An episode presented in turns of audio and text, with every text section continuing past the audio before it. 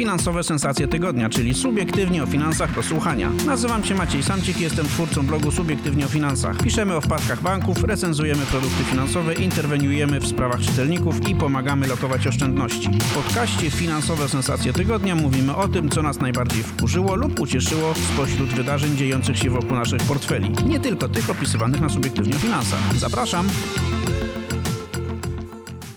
Dzień dobry. Witam w kolejnym odcinku podcastu Finansowe Sensacje Tygodnia. Dzisiaj mamy dla Was e, bardzo nietypową sytuację. Po pierwsze, dlatego, że jesteśmy, może nawet nie to jest takie dziwne, że jesteśmy w składzie e, trzech Maćków, czyli Maciek Danielewicz, Maciek Bednarek. i Maciek Jaszczuk, czyli ja, ale mamy dla Was też trzy tematy. I te tematy to inflacja, inflacja i wyciek danych e, w pewnej znanej sieci laboratoriów medycznych. Medycznych. Na czym polega ta niespodzianka? Niespodzianka polega na, to, na tym, że w pierwszej części mamy specjalnego gościa, którego będziemy odpytywać, ponieważ ma o, ciekawą opowieść do przekazania. Tym specjalnym gościem jest Maciek Bednarek.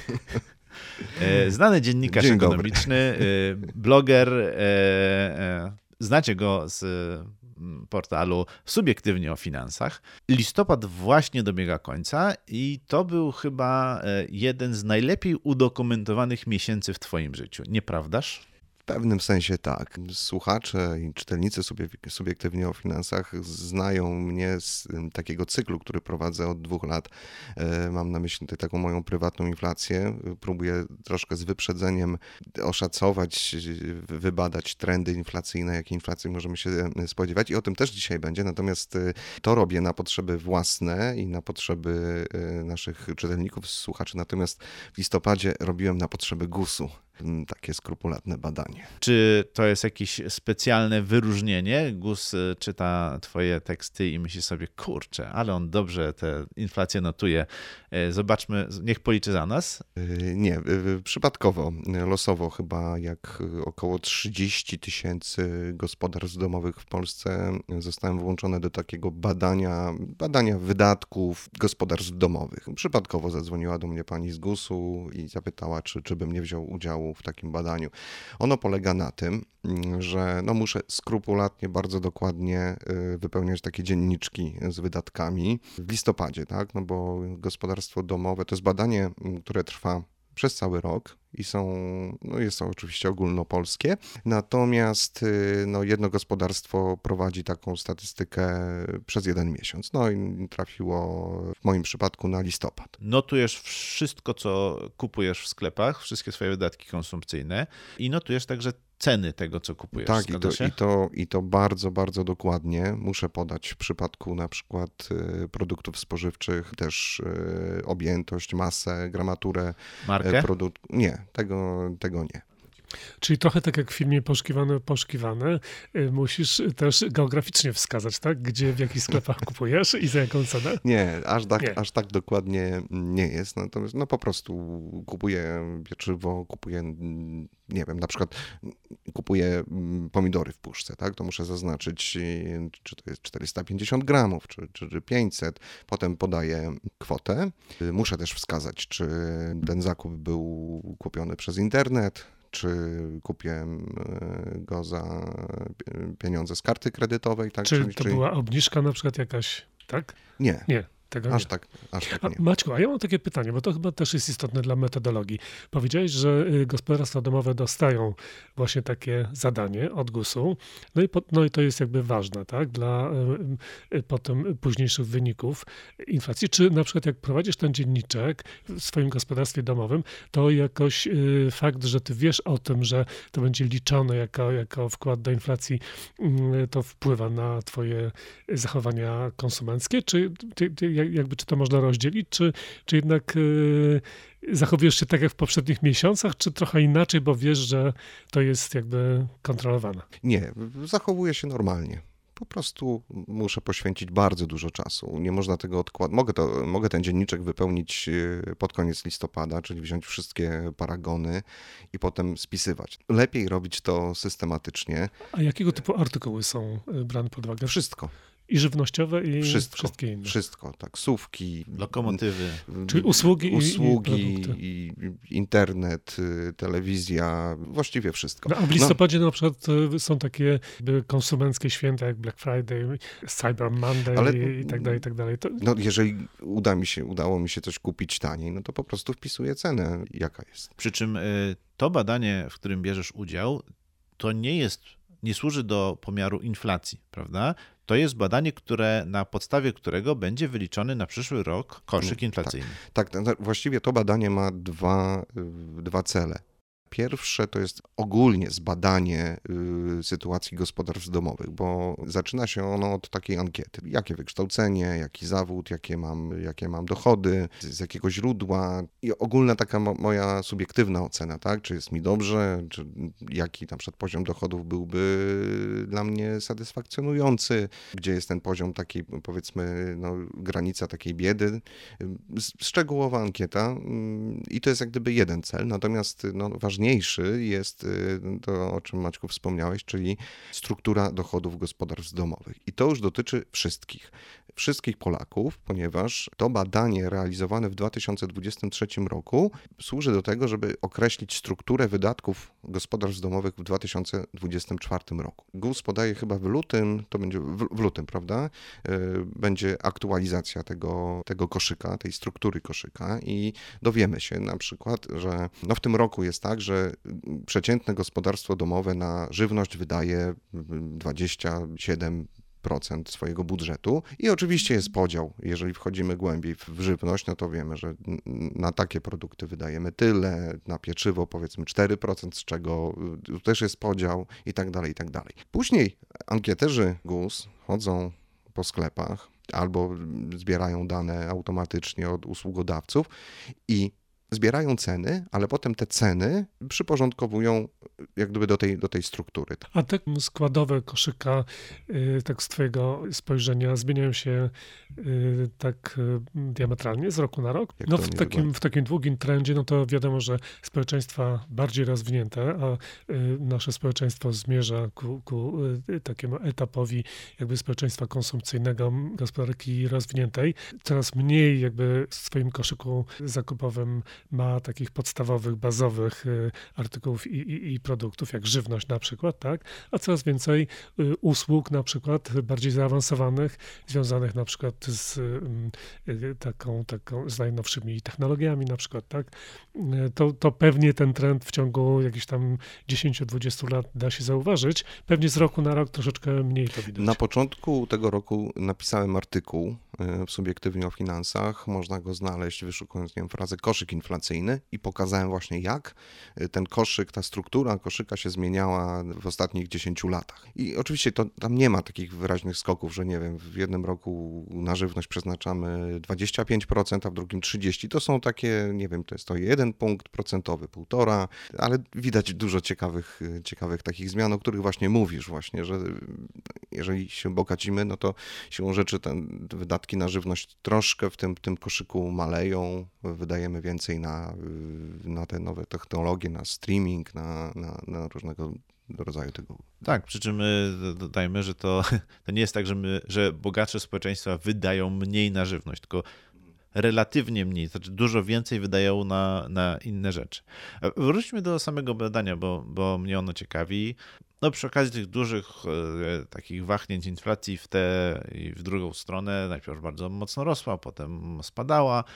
E, No, były różne dziwne rządowe ruchy i, i, i okołorządowe. Orlen, e, Orlen machał cenami paliw, były jakieś dopłaty, dodatki, obniżanie VAT-u. Generalnie to wszystko doprowadziło do tego, że wiele osób zaczęło kwestionować to, czy te dane, które GUS zbiera, to one są wiarygodnie zbierane, czy, czy niewiarygodnie. No i teraz moje pytanie do ciebie jest takie. Czy ty, e, jaki jest na przykład od, od, odzew z GUS-u y, na te wszystkie dane, które tam zbierasz, prowadzasz i wysyłasz? Czy, czy, czy jakbyś chciał, to mógłbyś y, wpisać tam y, cokolwiek? Albo czy jakby ci się nie chciało byś wpisał tam, a dobra, na chleb wydałem, niech będzie 10 zł kupiłem kilogram. Ktoś to o to pyta, ktoś to sprawdza. Szczerze, gdybym chciał nakłamać, mógłbym pisać po prostu co tylko zechcę. Mam opiekunkę, która y, opiekuje się kilkoma gospodarstwami do, domowymi, no i po prostu dostaje, bo, bo to jest y, ankieta w internecie. Mam login, mam hasło, wchodzę, no i po prostu nie odpalam. Mm, konkretny dzień wpisuję mm, tak, produkty i, i tak dalej. I opiekunka czasem pisze SMS-a, czy, czy dzwoni i się pyta, a tutaj, bo tutaj nie ma, nie wiem, podanej gramatury. Mówię, no a, a nie wiem na przykład. Problem jest na przykład z prezentami, tak? bo, bo chodzi o całe gospodarstwo domowe, tak? czyli żona też mi przynosi mm, paragony, ja potem je e, wklepuję no ale mówi na przykład, no wydałam, mm, zapłaciłam Czyli tam, po prostu po raz pierwszy y, dowiadujesz się tak naprawdę, co żona kupuje. Mam nadzieję, że przynosi mi wszystkie mm, paragony, nie, ale nie... Nie wpływa to na stabilność stadła małżeńskiego? Jeszcze nie. Y, no taki, taki przykład. No, y, żona powiedziała, że no 30 zł wydatek na książkę, ale nie mogę powiedzieć, co to jest, bo to jest prezent gwiazdkowy, tak? No i, i opiekunka się pyta, tak, no ale czy, czy mogę się dopytać? No mówię, no, no przykro mi jest to prawdopodobnie prezent, więc na pewno to, to nie będzie w 100% y, takie pełne, szczegółowe. I, I, co ciekawe, ja y, na początku listopada byłem y, na wakacjach za granicą i tutaj w tym przypadku muszę podać sumarycznie, ile po prostu wydałem na te wakacje w listopadzie, czyli bez rozbicia już tak, na, na paliwo, na jedzenie, na hotel, po prostu sumarycznie, więc to są moje takie tutaj wątpliwości do tego badania. Jeśli miałbym mówić o, o mankamentach tego badania, jest taka pozycja, muszę zaznaczyć, czy za zakupy zapłaciłem kartą kredytową. I tylko. To jest jedyny jak gdyby kredyt, natomiast, no nie wiem, dzisiaj no, no GUS troszkę chyba nie nadąża za, za, za tymi nowinkami. Na przykład te płatności odroczone są bardzo popularne. I to też jest kredyt, forma, e, forma kredytu. Mm, ja ten kredyt y, spłacę dopiero, y, jeżeli go zaciągnę, dopiero za miesiąc i to też jest y, kredyt. A tutaj jest powiedziane tylko karta kredytowa, tak jakby, nie wiem, nie było kredytów gotówkowych, pożyczek, nie wiem, wykorzystywania pieniędzy z limitów w koncie osobistym. Jest cały wachlarz i to trochę zaburza. To już nie jest moja wina, tak jest to po prostu e, ustawione. Ale samo to, że jest opiekunka człowiek, no to, to już wpływa też trochę na, na taką chyba większą kontrolę, bo gdyby, gdyby to był jakby po prostu automat, to on by mógł przepuszczać pewne, pewne jakby takie też zniekształcone dane, prawda? A tutaj można. No na pewno. Większe... Y, opiekunka powiedziała mi, że ma pod opieką w danym miesiącu bodajże sześć gospodarstw domowych, czyli jak gdyby. No, czyli no dosyć dokładne. Do, dosyć dokładne, tak, ale to jest bardziej sprawdzenie, czy, czy dobrze wpisałem mhm. gramaturę, czy się nie pomyliłem, czy nie mhm, wpisałem mhm. sztuk zamiast kilogramów. Okej, okay, no ale jak to oceniasz? No bo to jednak jest tak, że jakby ktoś jednak na te dane patrzy, tak? Tak, Czy, tak, tak. W sensie, człowiek, człowiek bo, na nie bo, patrzy. Bo wymieniłeś sporo mankamentów, natomiast e, no, z tego, co rozmawialiśmy wcześniej i jakby z tego, co czytałem o tym badaniu, no to mnie jakby zawsze zaskakiwał, zaskakiwała skala tego, że e, jednak ile w tym bierze udział właśnie gospodarstw domowych, e, jak szczegółowe jest to badanie i, i właśnie zastanawiałem się nad tym takim najniższym etapie, czyli tego wpisywania i tej weryfikacji, tam gdzie się te surowe dane zbiera, na ile ktoś sprawuje nad tym pieczę, ale, ale z tego co mówisz, te piecze sprawuje i gdybyś zaczął wpisywać e, właśnie coś, co bardzo odbiegałoby od normy, to ktoś by to prawdopodobnie zauważył i być może cię zapytał, a z czego to wynika? Na pewno tak. Tak, jest, jest taka kontrola. Tak, więc, więc o to mi chodzi, że, że oczywiście no nikt, nikt nie zweryfikuje, chociaż wydaje mi się, że jeżeli mamy tak dużo gospodarstw domowych i to jest rozłożone na cały rok i potem to podlega jakimś uśrednieniom, są też przecież cała metoda, metody statystyczne po to, żeby te anomalie e, odrzucać, wyłapywać i odrzucać, więc jakby to, to nie jest wszystko brane pewnie tak zupełnie e, z dobrodziejstwa inwentarza. Plus ta weryfikacja taka na bieżąco, no to sprawia, że zafałszowanie takiego badania, to musiałbyś po prostu obdzwonić pozostałe 29 999 gospodarstw domowych i umówić się na to, słuchajcie, nie ma co w listopadzie, wszyscy zawyżamy ceny mleka. Wszyscy kupujemy mleko po 6 zł za litr. No tutaj, tutaj mogą być e, różnego typu, ja sobie wyobrażam różnego typu zaburzenia. No, na przykład gospodarstwa domowe mogą być y, też różnej wielkości i r- mieć różną strukturę. Czyli na przykład może być gospodarstwo dwuosobowe, ale może być jednoosobowe, albo rodzina y, wieloosobowa, tak? I to też jakby y, Tak, ale to- różne generacje ale mogą to- być w jednym to jest- gospodarstwie. To jest uwzględnione na e, w tym wstępnym, na wstępnym etapie, tak, czyli na tej ankiety, tak, jakie to jest gospodarstwo, jakie są... Ale rozumiem, że dochodu. jakby ideą jest, żeby wymieszać jakby te... y, Uśrednić, no uś- uś- no to- uśrednić. To jest tak jak z inflacją. No, zawsze powtarzamy i, i, i wiemy, że każdy ma, jakąś, każdy ma swoją prywatną inflację, a ostatecznie i tak trzeba podać jeden, y, jedną wartość na No tak. końcu. Tak? No bo możemy sobie wyobrazić, że na przykład ktoś zrobił sobie zapasy we wrześniu, październiku y, żywnościowe i na przykład w listopadzie po, po, powiedzmy korzysta z tych zapasów, a dokupuje do jedzenia na przykład chleb, tak, i jakieś tam podstawowe artykuły, albo ktoś przechodzi na dietę jakąś taką drakońską i na przykład y, te, te, te wydatki żywnościowe no, bardzo mocno ogranicza, albo zmienia ich strukturę ra, radykalnie. No tak, tylko i, i jeżeli byś się opierał na badaniu jednej, jednego takiego gospodarstwa, to byś wtedy miał ryzyko, że podpadniesz w taką, w taką e, anomalię. Nawet jeżeli masz 30 tysięcy gospodarstw Może domowych, więcej. albo i więcej, tak? Dziesiątki tysięcy gospodarstw domowych, każdy tylko jeden miesiąc losowo wybrany, to, to, to też statystyka mówi, że jeżeli się wybierze losowo odpowiednio dużą e, próbę z, z populacji, e, no to gdzieś to się wszystko średni, tak? Jedna anomalia skasuje drugą, czyli tego, kto ma miesiąc bez alkoholu, jakby po drugiej stronie tego, tej krzy, krzywej rozkładu będzie ktoś, kto akurat postanowi sobie zrobić w listopadzie e, niekończącą się imprezę. No i, i jakby i konsumpcja Albo kto na przykład za, zachorował i na przykład kupuje głównie leki, tak? Tak, tak, tak. też no ale, tak może no być. właśnie. Ale, ale ponieważ masz kogoś, masz w listopadzie, masz w, lipcu i tak dalej, i tak dalej, no to w skali roku będziemy wiedzieli, jaki jest średni koszyk przeciętnego Polaka zakupowy, czyli jaka część wydatków konsumpcyjnych idzie na, na którą, e, na który segment. To jeszcze przypomnijmy, kiedy będziemy mieli efekty y, tych y, badań. W marcu GUS będzie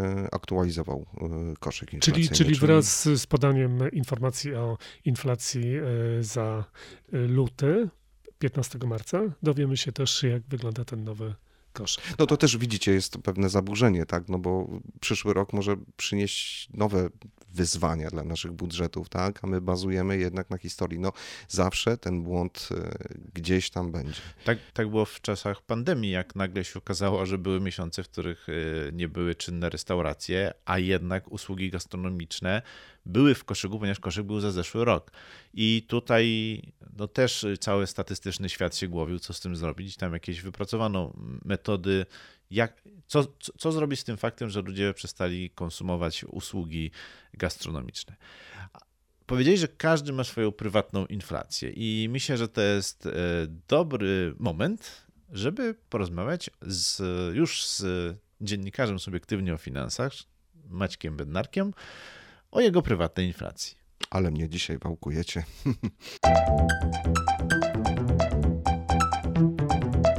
Maćku, jaką mieliśmy inflację w listopadzie? Może jaką ty miałeś inflację w listopadzie? W skali roku czy w skali miesiąca? Może powiedzmy o e, skali roku. Tutaj tylko tak wspomnę na marginesie, że już e, jutro, to znaczy w czwartek 30 listopada, GUS poda informację o tym wstępną, jaką inflację mieliśmy wszyscy jako, e, jako cała, ca, cały naród polski.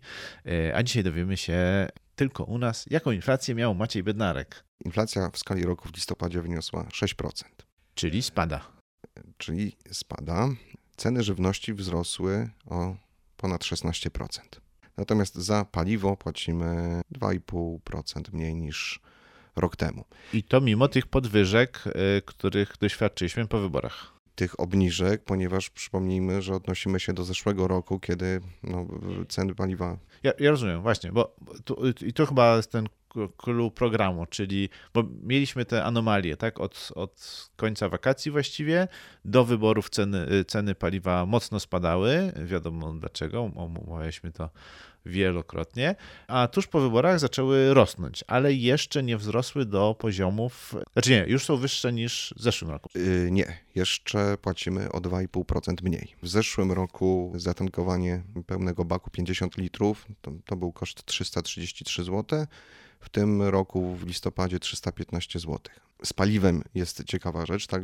Mieliśmy tę tak, tak zwaną wyborczą promocję i w październiku GUS jeszcze jej nie uwzględnił, bo według danych GUS y, benzyna w październiku staniała o prawie 6% względem y, września. We wrześniu kosztowała mniej niż 6 zł.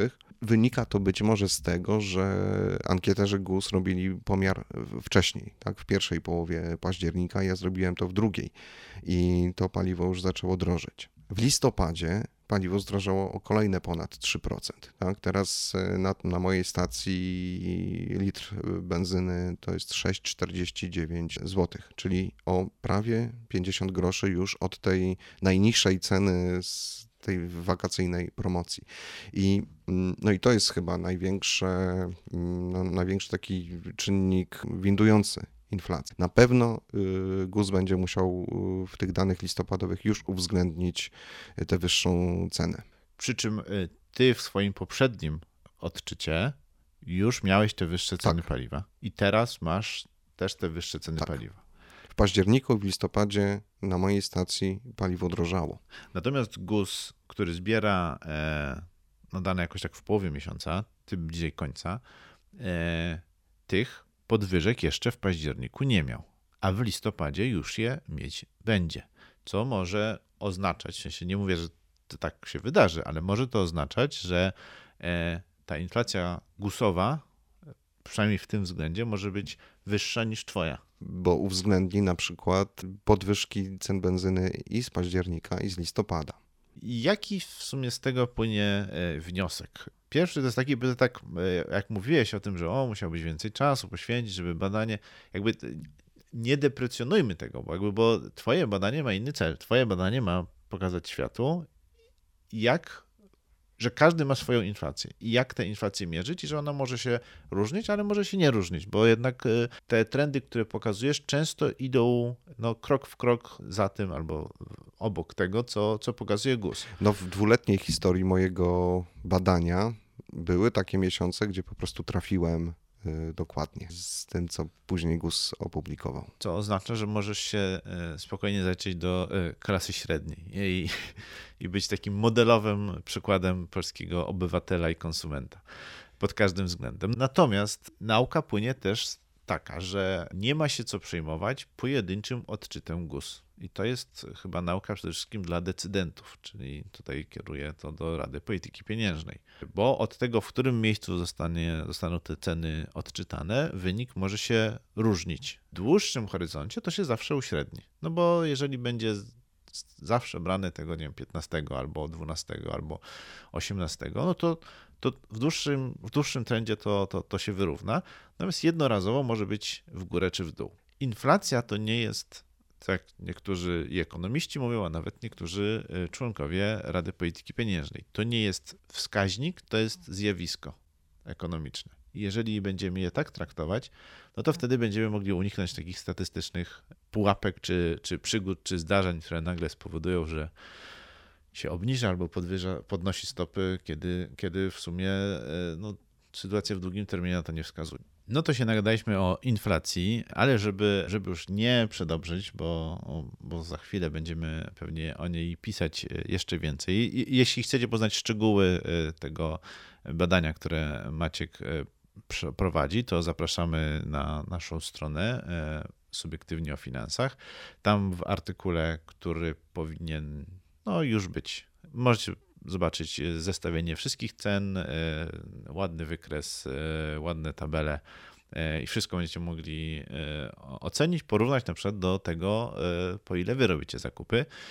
I generalnie namawiamy do tego, może nie w takiej skali, jak wymaga tego GUS, ale żeby monitorować swoje wydatki, bo to, bo to się przydaje chociażby po to, żeby wiedzieć, ile na co wydajemy i w razie czego dokonać jakiejś interwencji we własną konsumpcję. Przejdźmy może e, do trzeciego łamane na drugiego tematu, który jest dużo bardziej niepokojący. Maćku Danielewiczu, e, wysłałeś e, nam w poniedziałek rano dość niepokojący komunikat, bo media obiegła wstrząsająca, i to mówię całkiem poważnie, informacja. Tak, to jest informacja o wycieku danych i to z instytucji, która no, no, jest bardzo wrażliwą instytucją, to znaczy chodzi o dane o badaniach medycznych.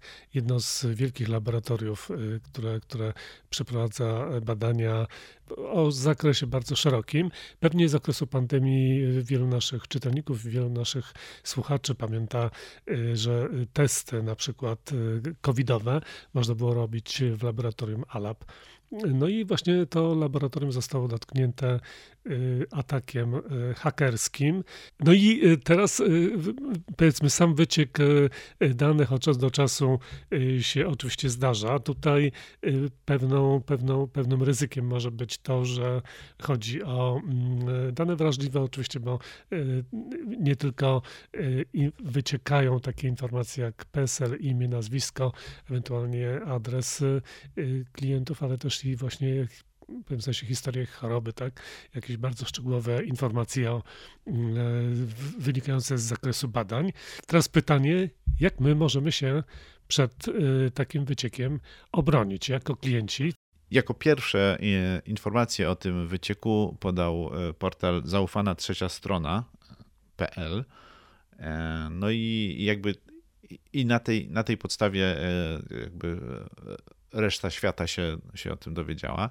Właśnie, no pytanie, co zrobić, bo tutaj te, te informacje, które, które czytamy, e, mówią o tym, że pierwsza transza tych danych, które wyciekły, które jakby ci cyberprzestępcy e, opublikowali, próbując e, prawdopodobnie wymusić na, na tej firmie jakiś okup za resztę danych, dotyczą 55 tysięcy badań przeprowadzonych na około 12 tysiącach osób, czyli 12 tysięcy osób może być, znaczy już teraz jest e, z tego wynika poszkodowany, to znaczy e, karty z wynikami ich badań, które zawierają imię, nazwisko, PESEL, e, no samo, samo badanie, jego wynik, adres zamieszkania, no są dostępne w internecie. No i teraz pytanie, co my mamy co my mamy zrobić, co firma powinna zrobić. O, oczywiście my się tutaj zastanawiamy ze względu, z punktu widzenia ryzyka dla naszych finansów. E, Maćku Bednarku, no, ostatnio mówi się dużo o zastrzeganiu PESEL-u. Co to może dać i czym grozi w ogóle to, że gdzieś nasz PESEL razem z danymi osobowymi, takimi jak imię, nazwisko i adres, krąży po sieci? No może służyć do wytworzenia fałszywego dokumentu tożsamości. Związek Banków Polskich y, regularnie podaje informacje o tym, ile prób wyłudzeń udaremniono. To są naprawdę cały czas wysokie liczby i też jednocześnie promuje mm, taką możliwość zastrzegania dokumentów. Tak, jeżeli nam na przykład dowód osobisty zginie, mamy podejrzenia, że, że wpadł w niepowołane ręce, no to możemy w każdym banku zastrzec ten dokument, tak? I, I, oczywiście trzeba powiadomić policję. Dobrze, czyli jedno jest ryzyko. E, ja widzę jeszcze inny, to znaczy tego typu wrażliwe dane mogą być pożywką dla wszelkiego rodzaju oszustów, którzy nie tylko będą korzystali z, z tych danych osobowych, ale i na przykład z informacji o dolegliwościach, no i w pewien sposób sytuacji życiowej e, tych osób, których, których dane, dane zostały ujawnione. Tylko czy możemy tutaj uniknąć tej sytuacji, bo dane, jeśli dane wyciekły raz, to już jakby ich nie no tak, ale no, jakby na pewno wszystkie te, wszystkie te porady, które, które się zawsze stosuje, czyli nie klikamy w, w linki z SMS-ów, pewnie i w maili. Jeżeli mamy wątpliwość, czy na przykład to rzeczywiście przychodnia albo nasz lekarz chce się z nami skomunikować, żeby nas, nie wiem, namówić na jakiś inny lek, czy na dodatkową wizytę, czy jakąś płatność za terapię, albo, albo po prostu, żeby się zalogować, żeby zobaczyć, co tam, że coś się wydarzyło. E, zadzwońmy, upewnijmy się, że, że na pewno coś takiego wysyłali. Bo, bo Czyli jest... trochę takie metody jak e, przy komunikacji z bankami, prawda? To znaczy banki same na przykład nie proszą o to, żeby e, nie, nie wysyłają maili po to, żeby e, z linkiem, żeby się zalogować, czy, czy nie proszą o całe loginy i hasła i tak dalej, i tak dalej, tak? Znaczy, Maciek, chcesz powiedzieć, że te dane mogą zostać wykorzystane w metodzie socjotechniki, tak? Tak. Czyli tak samo jak najczęściej, jeżeli chodzi o wyłudzenia kredytów, przestępcy wykorzystują właśnie tę metodę, tak? To nie jest takie włamanie, tak, że, że ktoś rozszyfruje y, te wszystkie loginy, hasła, y, wejdzie tam i, i bo te zabezpieczenia są coraz, y, coraz silniejsze, to my, ufając oszustom, podajemy im na tacy te wszystkie dane, tak? No bo właśnie dostajemy informację, że coś się dzieje na koncie, że trzeba szybko zareagować, że trzeba i to od razu link, tak? No to pali się. I logujemy się na przykład logujemy na fałszywej stronie. Tak, dokładnie. I, i, I podajemy oszustom wszystko, wszystko na tacy. Więc tutaj mogą być w przypadku tych danych medycznych, to o czym Maciek mówił, tak, to może być wykorzystane w taki sposób.